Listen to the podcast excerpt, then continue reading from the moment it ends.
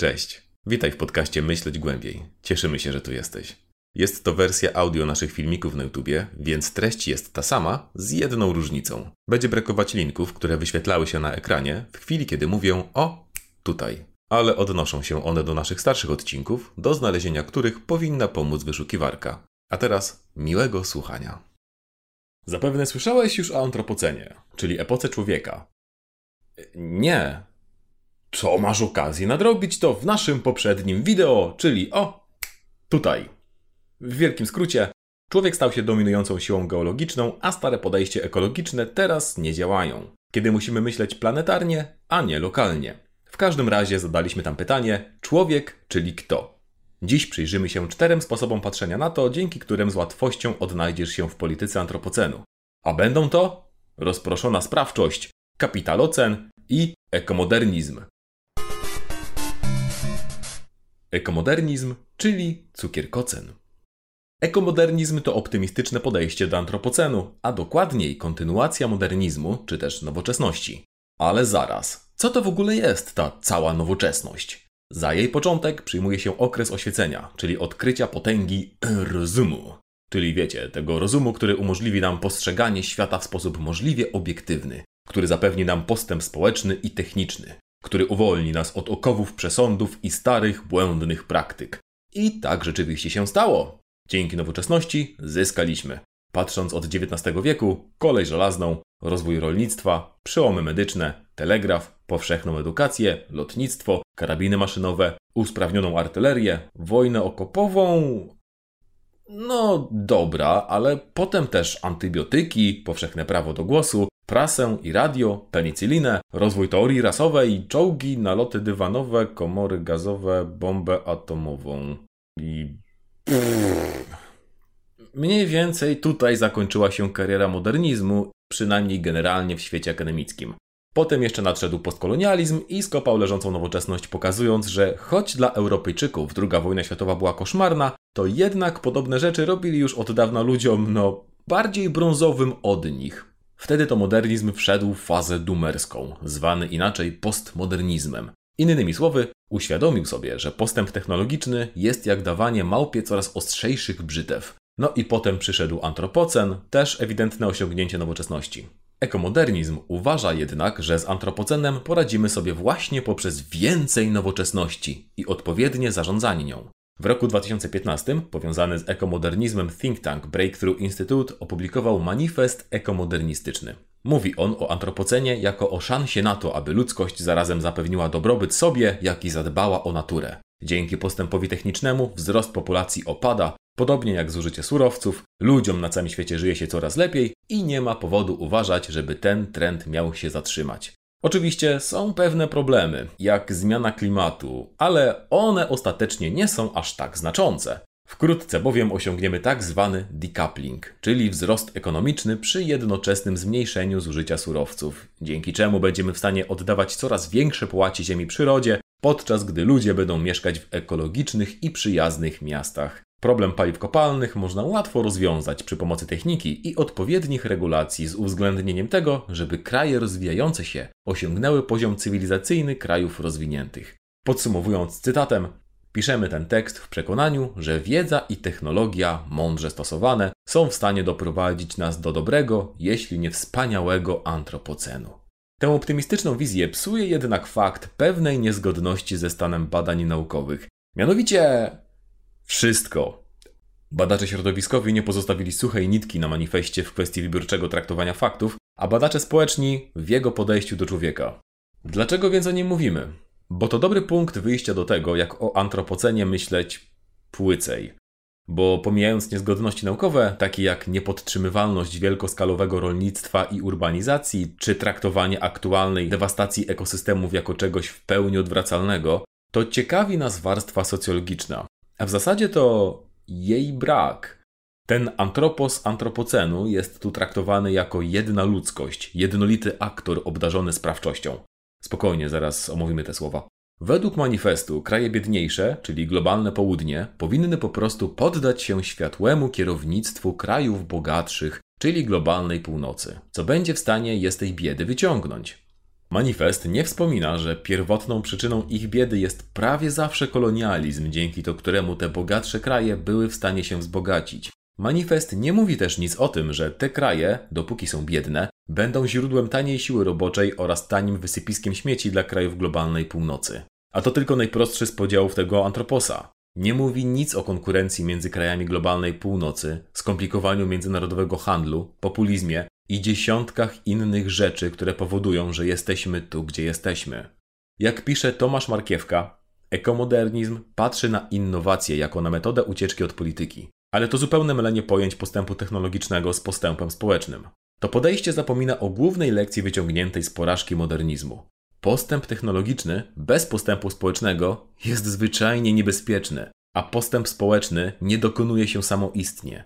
To przeoczenie nie jest przypadkowe. Ekomodernizm zwyczajnie nie jest niczym przełomowym, a kontynuacją neoliberalizmu. Po prostu z nalepką eko.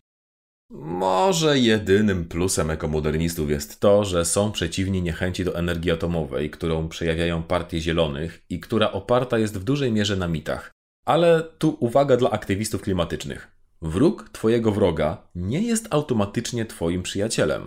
Dla ekomodernistów atom, czy raczej gadanie o atomie, jest kolejnym ze sposobów podtrzymywania statusu quo i przeciwstawiania się odnawialnym źródłom energii. Powiedzą, że owszem, wypada budować elektrownie atomowe, ale nie musimy się szczególnie z nimi spieszyć, bo ten klimat to nie jest taka paląca sprawa.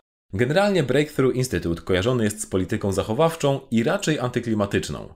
Pamiętacie dziewięć granic planetarnych z poprzedniego odcinka? Zastanawia Was, kto w polskiej Wikipedii figuruje w dziale krytyka? No właśnie. I to wszystko bez wspominania jednego z założycieli, Michaela Schellenberga, który ostatnio staje się ulubionym aktywistą klimatycznym prawicy. W opisie zamieszczamy link do odpowiedzi na jego artykuł w wykonaniu zespołu nauki o klimacie. Dla nas to brzmi jak denializm klimatyczny w wersji soft, a może raczej w wersji medium, bo soft to będzie cały Breakthrough Institute. Czekaj, a czemu od razu denializm?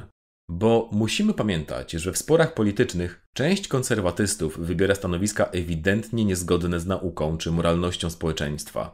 I kiedy te stanowiska stają się nie do podtrzymania, nie wycofują się z nich całkowicie, tylko wykonują odwrót na z góry upatrzone pozycje. I to wygląda tak, jakby ekomoderniści stawiali bunkry i wykopywali okopy pod tą kolejną linię frontu w politycznej wojnie o klimat. Kiedy już denializm bezpośredni, czyli negowanie globalnego ocieplenia, stanie się po prostu zbyt szurski, to w mainstreamie zacznie panować debata, że możemy wejść we wspaniały antropocen. Wystarczy zaufać nauce. Kapitalocen w teorii. No dobrze, omówiliśmy sobie jako o antropocenie nie myśleć, a teraz przejdźmy do lepszego dyskursu. Takiego na styku filozofii, socjologii, ekologii i historii. Socjolog Jason Moore opracował koncepcję kapitalocenu. Ona to, zamiast obwiniać człowieka, obwinia światowy kapitalizm. No, dokładniej to kapitał i może powinno to się nazywać kapitałocen, ale nie chcemy tu przesadnie mieszać.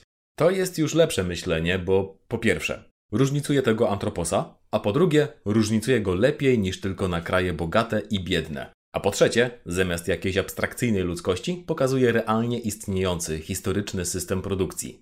Może powiecie, że to nic nowego, bo lewaki już od dawna krzyczą, co ten zły kapitalizm robi środowisku.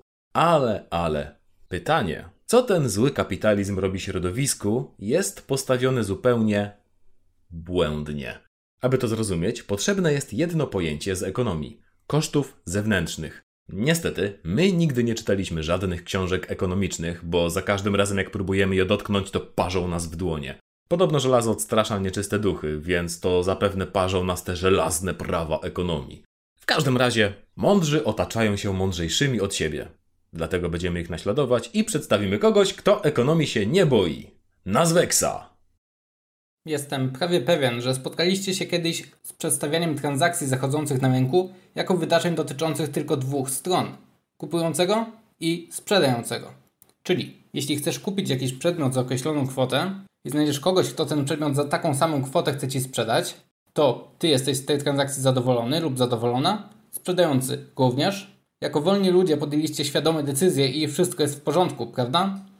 No cóż, w dzisiejszym świecie bardzo często okazuje się, że wcale nie. Takie skrajnie uproszczone rozumienie transakcji rynkowych można wręcz wyrzucić do kosza, bo prawie nigdy lub nawet dosłownie nigdy nie oddaje ono dobrze skutków takich działań. Dlaczego tak jest, tłumaczy nam właśnie koncept efektów zewnętrznych, czyli takich sytuacji, kiedy produkcja lub konsumpcja jakiegoś dobra wpływa na osoby niezaangażowane w daną transakcję i kiedy ten wpływ nie jest odzwierciedlony w cenach danego produktu czy też usługi. Przykładem może być chociażby pozbywanie się zanieczyszczeń poprzez wylewanie ich do rzeki lub emitowanie CO2 oraz innych gazów cieplarnianych. W takich przypadkach koszty ponoszą również osoby z zewnątrz, a czasami nawet całe społeczeństwo. Weźmy skrajnie uproszczony przykład, żeby zobrazować, jak to w praktyce działa. Załóżmy, że istnieje całkowicie wolny, pozbawiony jakichkolwiek regulacji rynek, na którym działa przedsiębiorstwo produkujące jakieś przedmioty, np. patelnie, za dajmy na to 8 dolarów za sztukę, a sprzedaje je w cenie 10 dolarów, w liczbie 1000 sztuk rocznie.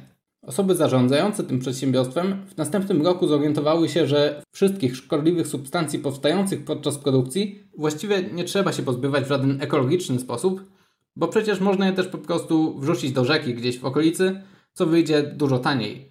Załóżmy, że na skutek tego działania koszty produkcji jednej patelni spadną do 6 dolarów, a obniżenie ceny do 9 dolarów sprawi, że będą mogli ich sprzedać 2000 w ciągu roku. Jak zatem wygląda obecna sytuacja?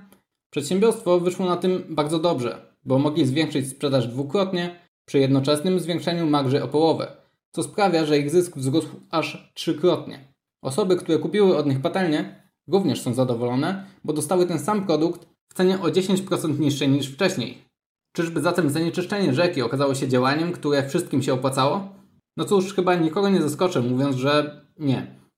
Z wody w tej rzece korzystał bowiem pewien rolnik, a substancje się w niej znajdujące sprawiły, że stracił on wszystkie plony oraz wszystkie swoje zwierzęta, których łączną wartość oszacował na 5000 dolarów. Te 5000 to jest właśnie przykład działania efektów zewnętrznych. Rolnik stracił na skutek działań przedsiębiorstwa, mimo że nie był stroną transakcji i nie miał żadnego wpływu ani na to, czy przedsiębiorstwo będzie zanieczyszczać rzekę, ani czy ludzie będą kupować te patelnie. Celem powinno być więc to, żeby koszty, które poniósł rolnik, zostały uwzględnione. Mamy to? Chyba trochę mamy. A jak chcemy mieć bardziej, to odwiedźmy na Zwyxa, bo zrobił o tym całe wideo. O, tutaj. A teraz wyjedźmy z grubszą filozofią i zapytajmy. A może sam pomysł kosztów zewnętrznych to stawianie sprawy na głowie, bo nie ma żadnego zewnętrza. A dokładniej, bierzemy kredę i zakreślamy jakieś kółko i mówimy: O, tu jest wnętrze i tu płacimy, a tam jest zewnętrze i tam już nie płacimy. W jednym zdaniu, co jeśli tworzenie bogactwa w epoce globalnego kapitalizmu polega po prostu na wnoszeniu rzeczy z zewnątrz do wewnątrz i przyczepianiu im metki z ceną? Geniusz koncepcji kapitalocenu polega na tym, że z jednej strony jest w stanie ująć wszystko na planecie, i to dosłownie wszystko na planecie, globalnie, a z drugiej strony, że jest w stanie przenieść to na pewien średni poziom konkretyzacji. Może to nie wystarczy, żeby pisać konkretne ustawy, ale na pewno jest o wiele lepsze niż samozadowolony filozof siedzący w swoim fotelu, który właśnie stwierdził, że wszystko jest jednym i że nie ma już nic do dodania. Ten podział na wnętrze i zewnętrze Mur nazywa społeczeństwem i naturą, z dużych liter. Z filozoficznego punktu widzenia mamy tu tak zwany dualizm substancji, czyli mamy dwa oddzielne byty o różnej, no, naturze. Jest sobie jakaś natura, która ma to do siebie, że jest bierna, i jakieś społeczeństwo, które ma różne pomysły na to, aby tej naturze robić jakieś rzeczy. I teraz ekologia to będzie patrzenie na to, co społeczeństwo robi naturze i jak ta natura społeczeństwu się odwzajemnia. No nie, powie Mur. Taki dualizm nie działa, bo wszystko jest jednym. Takie podejście nazywamy monizmem substancji, czyli że wszystko jest jedną rzeczą. Tylko teraz wydaje się, że zrobiliśmy krok wstecz, bo chociaż system jest bardziej domknięty, to jednak mniej tłumaczy. Dlatego należy dodać czas, wszystko jest jedną rzeczą, która przemienia się w czasie. Możemy to nazwać metabolizmem planetarnym, sumą procesów przemian materii w skali, no, całej planety. Mur używa określenia sieć życia. I to z tej sieci życia wyłania się natura i społeczeństwo, które są tworami czysto ideologicznymi. Do społeczeństwa wrzucamy ludzi i miejsca, które szanujemy, a do natury, no, to co nas obchodzi mniej. Przez co, paradoksalnie, większość ludzi żyjących w historii, a już na pewno w koloniach, miała status natury. Jak już może widzisz, tu nie mówimy o starej tradycji ontologicznej, która miała tendencję skupiać się na bytach, a bardziej na nowej, skupionej na relacjach. Czyli co? Mamy strukturalizm, o którym była mowa o tutaj, No, nie do końca. Bo jak pamiętacie, problem ze strukturalizmem polegał na tym, że był ahistoryczny. Natomiast metabolizm, jak sama nazwa wskazuje, jest procesem, więc musi przebiegać w czasie. I to pomaga Murowi uporać się z tym koszmarkiem starego myślenia ekologicznego. Że była sobie natura, wszystko było fajnie, a potem wyskoczył człowiek jakoś znikąd z rolnictwem i zaczął się wyżywać na tej naturze przy użyciu tego swojego społeczeństwa. W rzeczywistości mamy sprzężenie zwrotne. Przyroda kształtuje społeczeństwo, które przekształca przyrodę, a ta przekształcona przyroda kształtuje społeczeństwo, które przekształca przyrodę i tak dalej, tak dalej, tak dalej, tak dalej, tak dalej. I teraz wracamy wreszcie do tych kosztów zewnętrznych. Otóż według Mura ekonomia to sposób, dzięki któremu wyraźnie oznaczamy sobie, jaka część tej sieci życia ma wartość pieniężną, a jaka nie. Pamiętacie to, że większość ludzi w historii przynależała do natury, a nie do społeczeństwa? To teraz wyobraźmy sobie taką plantację na koloniach. Tu można było mieć za darmo pracę niewolnika, więc nie trzeba było płacić pracownikowi najemnemu. No cóż za oszczędność. Wystarczyło tylko zadbać o to, by niewolnik w miarę możliwości nie umarł za szybko, ale poza tym można było mieć wywalone na jego potrzeby. Kosztuje 10% tego co pracownik, a pracuje 3 razy ciężej. Cóż za wspaniała innowacja kapitalistyczna. I tu, powie Mur, przebiega granica między naturą a społeczeństwem. Otóż tego niewolnika zakwalifikowaliśmy do tak zwanej taniej natury. Mamy jego pracę za darmo, ale tak samo tanią naturą jest ziemia, na której stoi plantacja. Pracę ziemi i pracę roślin właściciel plantacji ma też za darmo. Brzmi banalnie? Poczekaj chwilę. Dobra, to pokazuje nam, czemu nie ma sensu podejście, co kapitalizm robi naturze, bo lepiej mówić o tym, jak kapitalizm zaprzęga naturę do pracy.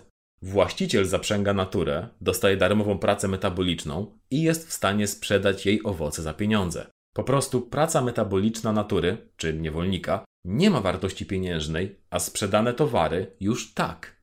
Puf! Alchemia! Mamy złoto z niczego!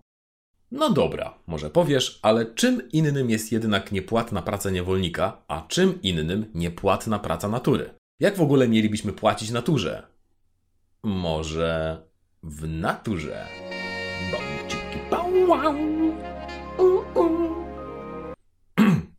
Ale pamiętacie, co mówiliśmy o tym, że właściciel ma wywalone na zdrowie pracownika?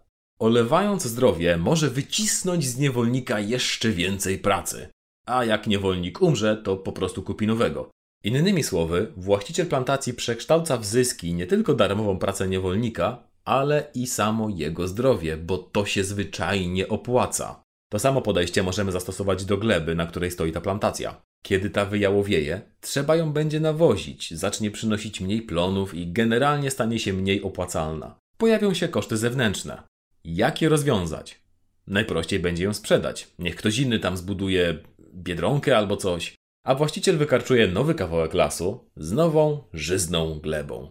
I historia kapitalizmu polega na takim stopniowym karczowaniu metaforycznego lasu, po prostu na skalę globalną. To nie tyle koszty są zewnętrzne, co raczej zewnętrzne są przychody. Kapitalizm znajduje kolejne miejsce, gdzie jest łatwo dostępna nadwyżka metaboliczna, czyli tanią naturę i przerabia ją na pieniądze. Za każdym razem, kiedy musi zapłacić rachunek, przenosi się gdzie indziej. Ale nie tylko dalej. Kapitalocen w świecie. Spełnijmy teraz obietnicę z pierwszej części i pomówmy o takich terminach jak aktor i sprawczość.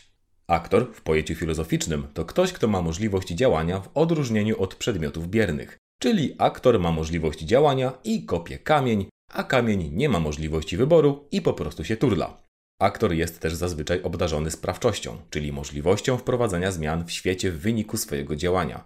Czyli aktor kopnął kamień i ten kamień się poturlał i wybił wystawę sklepową. Aktor może i nie zamierzał wprowadzać takiej zmiany, ale to tylko dlatego, że był zbyt mało rozgarnięty, aby wyliczyć trajektorię kamienia. Tak przynajmniej mówi filozofia jakoś do późnego wieku XX. Ale w późnym wieku XX odkryliśmy, że pewne rzeczy są bardziej skomplikowane. Że choćby kopiąc kamień z góry, możesz wywołać lawinę i zdestabilizujesz system, który już będzie się rządzić własnymi prawami i na przykład zniszczy kilka domów w wiosce u podnóża tej góry. Naciąganym byłoby stwierdzenie, że kopiąc ten kamień miałeś sprawczość zniszczenia domów, ale tylko Kowalskiego, Nowaka i Iksińskiego. a po prostu byłeś zbyt mało rozgarnięty, aby wyliczyć trajektorię. Tutaj część sprawczości wydaje się mieć lawina, ukształtowanie terenu, czy nawet przepisy dotyczące działek budowlanych w tej wiosce. Czyli sprawczość była dystrybuowana, a aktorem może być urzędnik w starostwie powiatowym, który przymknął oko na zagrożenie lawinowe, bo przyjął kopertę. Podobnie do kwestii sprawczości podchodzi kapitalocen. Aktorem nigdy nie jest jakiś człowiek, który robi rzeczy gołymi rękami czy siłą swojego umysłu. Zawsze jest to połączenie społeczeństwa, natury i sposobu organizacji natury. Taka wiązka. Wróćmy do kapitalizmu. Gdyby chodziło tylko o zdobywanie nowych terenów, kapitalizm zapadłby się już dawno temu. Jednak mamy tu do czynienia z ekspansją wiedzy. Jednym z głównych celów nauki w kapitalizmie jest, jak to mówi Mur, czynienie natury czytelną dla kapitału. Na przykład kolonizacja Afryki do drugiej połowy XIX wieku z powodu malarii była ograniczona do wybrzeży. Jednak wynalezienie chininy umożliwiło ludziom poradzenie sobie z tą chorobą, a budowa kolei spowodowała, że nie musieli już polegać na zwierzętach pociągowych, przez co środek kontynentu stanął otworem. Dlaczego o tym mówimy? Bo kapitalizm jest taką wiązką, chociaż lepiej powiedzieć żywą organiczną całością. Postęp techniczny odbywa się w jej ramach i nie można go z niej wyciągnąć. Będzie służył interesom kapitalizmu nie dlatego, że naukowcami sterują źli kapitaliści w cylindrach i z cygarem w zębach, a po prostu dlatego, że wytworzył się w ramach procesów metabolicznych kapitalizmu. Oczywiście to samo odnosi się do feudalizmu czy socjalizmu, tam postęp technologiczny też służyłby ich interesom. Podobnie nie da się po prostu wyciągnąć z tego kapitalizmu relacji władzy czy imperializmu, bo organicznymi całościami nie można tak łatwo manipulować. Dlatego wizja ekomodernistów jest całkowicie nieżyciowa. Czyli ustaliliśmy, że rolą nauki jest znajdowanie tanich natur i zawsze odbywa się to w asyście polityki. Jeśli brzmi to znajomo, to zapewne dlatego, że tak właśnie o władzy wiedzy mówił Michel Foucault, którego omawialiśmy o tutaj. Ale nie zawsze te tanie natury muszą znajdować się gdzieś daleko. Równie dobrze rewolucje naukowe mogą je odnaleźć nawet w centrum kapitalizmu. Jak to wydarzyło się chociażby z gazem łupkowym w USA w ostatnich latach, wydobywanym metodą frackingu. Przyjrzyjmy się przykładowej historii odkrywania tanich natur w kapitalocenie. Pierwsza sięga początku tak zwanego długiego XVI stulecia, czyli lat 1450-1650. W roku 1419 Portugalczycy odkryli niezamieszkaną wyspę Maderę.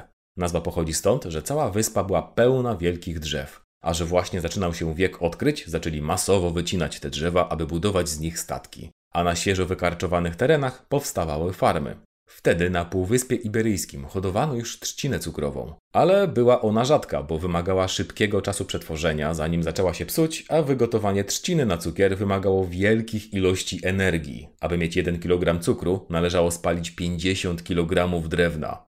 Z tego powodu to właśnie na Maderze powstały pierwsze kolonialne plantacje z prawdziwego zdarzenia. I z tego powodu, nieco ponad 100 lat po odkryciu, na wyspie nie było już lasów. Przez to nie można było już hodować trzciny cukrowej, więc przestawiono się na wino, które było mniej opłacalne i mniej energochłonne. A skąd wziąć drewno na beczki? To proste. Z lasów Nowego Świata, które stały się kolejną granicą taniej natury, zdobytą przy pomocy m.in. statków z maderskiego drewna i zysków z maderskiego cukru. Podobnych historii jest więcej. Chyba najbliższa nam jest rola Polski w epoce kolonialnej, czyli kiedy staliśmy się wielkim eksporterem zboża dla Zachodu, gdzie wydajność rolnictwa opadała, a nie opłacało się w nie inwestować, bo tanie natury były dostępne w koloniach i w początkach uprzemysłowienia. Co umożliwiło nam taką zwiększoną produkcję? Ano, zwyczajne żyłowanie gleby i nie dawanie jej czasu na regenerację, co oczywiście spowodowało coraz mniejsze plony. Aby próbować je zrównoważyć, wycinano kolejne połacie lasów. Wtedy też w Europie wzrosła produkcja sukna, przez co wzrósł popyt na potaż. Środek używany do wybielania, pochodzący ze spalania węgla drzewnego. I kto był królem potażu? My. Ale za sporą cenę. W szczytowym okresie eksportu potażu w połowie XVII wieku eksport z samego Gdańska wymagał corocznego wycinania 135 tysięcy hektarów lasu czyli kwadratu 36 na 36 km. Ostatecznie produkcja taniego potażu przeniosła się do Nowego Świata, a produkcja żywności do Anglii, gdzie dokonywały się rewolucje rolnicze i wzrosła wydajność produkcji. Taka żywność może już nie była do końca tania, bo trzeba było bardziej w nią zainwestować, no, pieniądze, ale nie trwało to długo. Wkrótce pojawiły się pierwsze nawozy sztuczne wydobywane na terenach Chile, dzięki czemu żywność znów była tania. Teraz może się zastanawiasz, co to jest za dziedzina wiedzy? Ekonomia? Ekologia? Historia? Socjologia? Filozofia? Odpowiedź brzmi: po trochę z wszystkiego. Ten nurt określa się teorią ekologii światów, World Ecology, która jest rozwinięciem teorii systemów światów, World System, czyli próbą całościowego wyjaśnienia, jak działają cywilizacje, ale tym razem w konkretnym, historycznym środowisku. To naprawdę świeża gałąź nauki, bo pojawiła się w XXI wieku, a wyszła z piwnicy w zeszłej dekadzie. Pewnie w komentarzach pojawią się też osoby, które krytykę historycznego kapitalizmu traktują jako osobistą potwarz. Wiecie, typowe zachowanie osoby racjonalnej i niezindoktrynowanej. I powiedzą, że co? Komunizm niby lepszy? Tylko to nie jest odpowiedź na konkretne problemy, które pokazuje nam analiza kapitalocenu, a ta mówi wprost, że dopóki jakikolwiek system ekonomiczny będzie opierał się na ciągłym zawłaszczaniu tanich natur, dopóty będziemy destabilizować system ziemski. Czyli nawet gdybyśmy teraz uzyskali czyste źródło taniej energii, na przykład hmm, hmm, hmm, zimną fuzję, to bez zmiany systemu ekonomicznego byłby to w rzeczywistości wyrok na resztę natury, bo dopiero zaczęlibyśmy kopać, produkować i zużywać na potęgę. I swoją drogą, na tym polega problem z postulowaniem energii atomowej jako leku na całe zło. Problem z atomem nie jest taki, że wybuchnie reaktor i urośnie ci trzecia ręka, a na przekonaniu niektórych ludzi, że dzięki niej nie będziemy musieli zmieniać naszej organizacji społecznej. Czyli znów mamy tu traktowanie innowacji jako metody na ucieczkę od polityki. Ale sorry, przed polityką to nas nawet atom nie uchroni. Co nam z tego? Patrzenie z perspektywy ekologii świata zmienia perspektywę, no, na wszystko. O wiele łatwiej uświadomić sobie realny koszt rzeczy i nie chodzi tylko o to, że Bitcoin zużywa w tym momencie energię elektryczną na poziomie pomiędzy Holandią a Pakistanem, bo to nie są abstrakcyjne obliczenia w jakiejś chmurze, która potrzebuje tylko prądu. Te obliczenia są wykonywane przez fizyczne komputery składające się z fizycznych surowców, wydobywanych w krajach o skomplikowanej historii i jeszcze bardziej skomplikowanej polityce. Te rzeczy nie będą już dla nas oddzielone. Widząc prawdziwy koszt metaboliczny rzeczy, które są nam wciskane, nie nabierzemy się na tak zwany greenwashing czy ekościemę, kiedy to firmy czy rządy nasadzają jakichś drzewek i mówią, że ratują środowisko. I wreszcie, może najważniejsze, zrozumiemy, jak bzdurne są argumenty, że żeby uratować klimat, musisz zacząć od siebie, hipokryto. Jako konsumenci możemy poruszać się tylko w obrębie tego, co jest nam dane, a jeśli cały system produkcji jest toksyczny, to nie możemy zrobić nic innego niż zająć się polityką, która doprowadziła do tej sytuacji. Cytując Mura, zamknij elektrownię węglową, a spowolnisz globalne ocieplenie o dzień. Zmieni relacje, które ją wytworzyły, a powstrzymasz je na dobre. A przynajmniej tak można na to patrzeć, aby myśleć trochę głębiej. Huh. Dzięki kochane osoby za obejrzenie całego materiału. Odwiedźcie nas Wexa, bo ma naprawdę świetny kanał. My póki co ostatnio wrzucaliśmy trochę mniej, ale ten okres się skończył i nowe wideo powinny pojawiać się regularniej. Z serii o antropocenie planujemy jeszcze odcinek o innych pomysłach na gospodarkę w tym okresie i jeszcze innych nazwach. Jeśli cenisz to, co robimy, to dołącz do grona wspierających kanał na Patronite. Jak te świetne osoby, które tutaj widzisz i którym tu serdecznie dziękujemy. A w szczególności Gamiemu, Kowi BZ, M, Mariuszowi Wo, Patrycji, Praptakowi, Sachiemu oraz Sushiemu. Jeszcze raz, dzięki mordeczki i do następnego.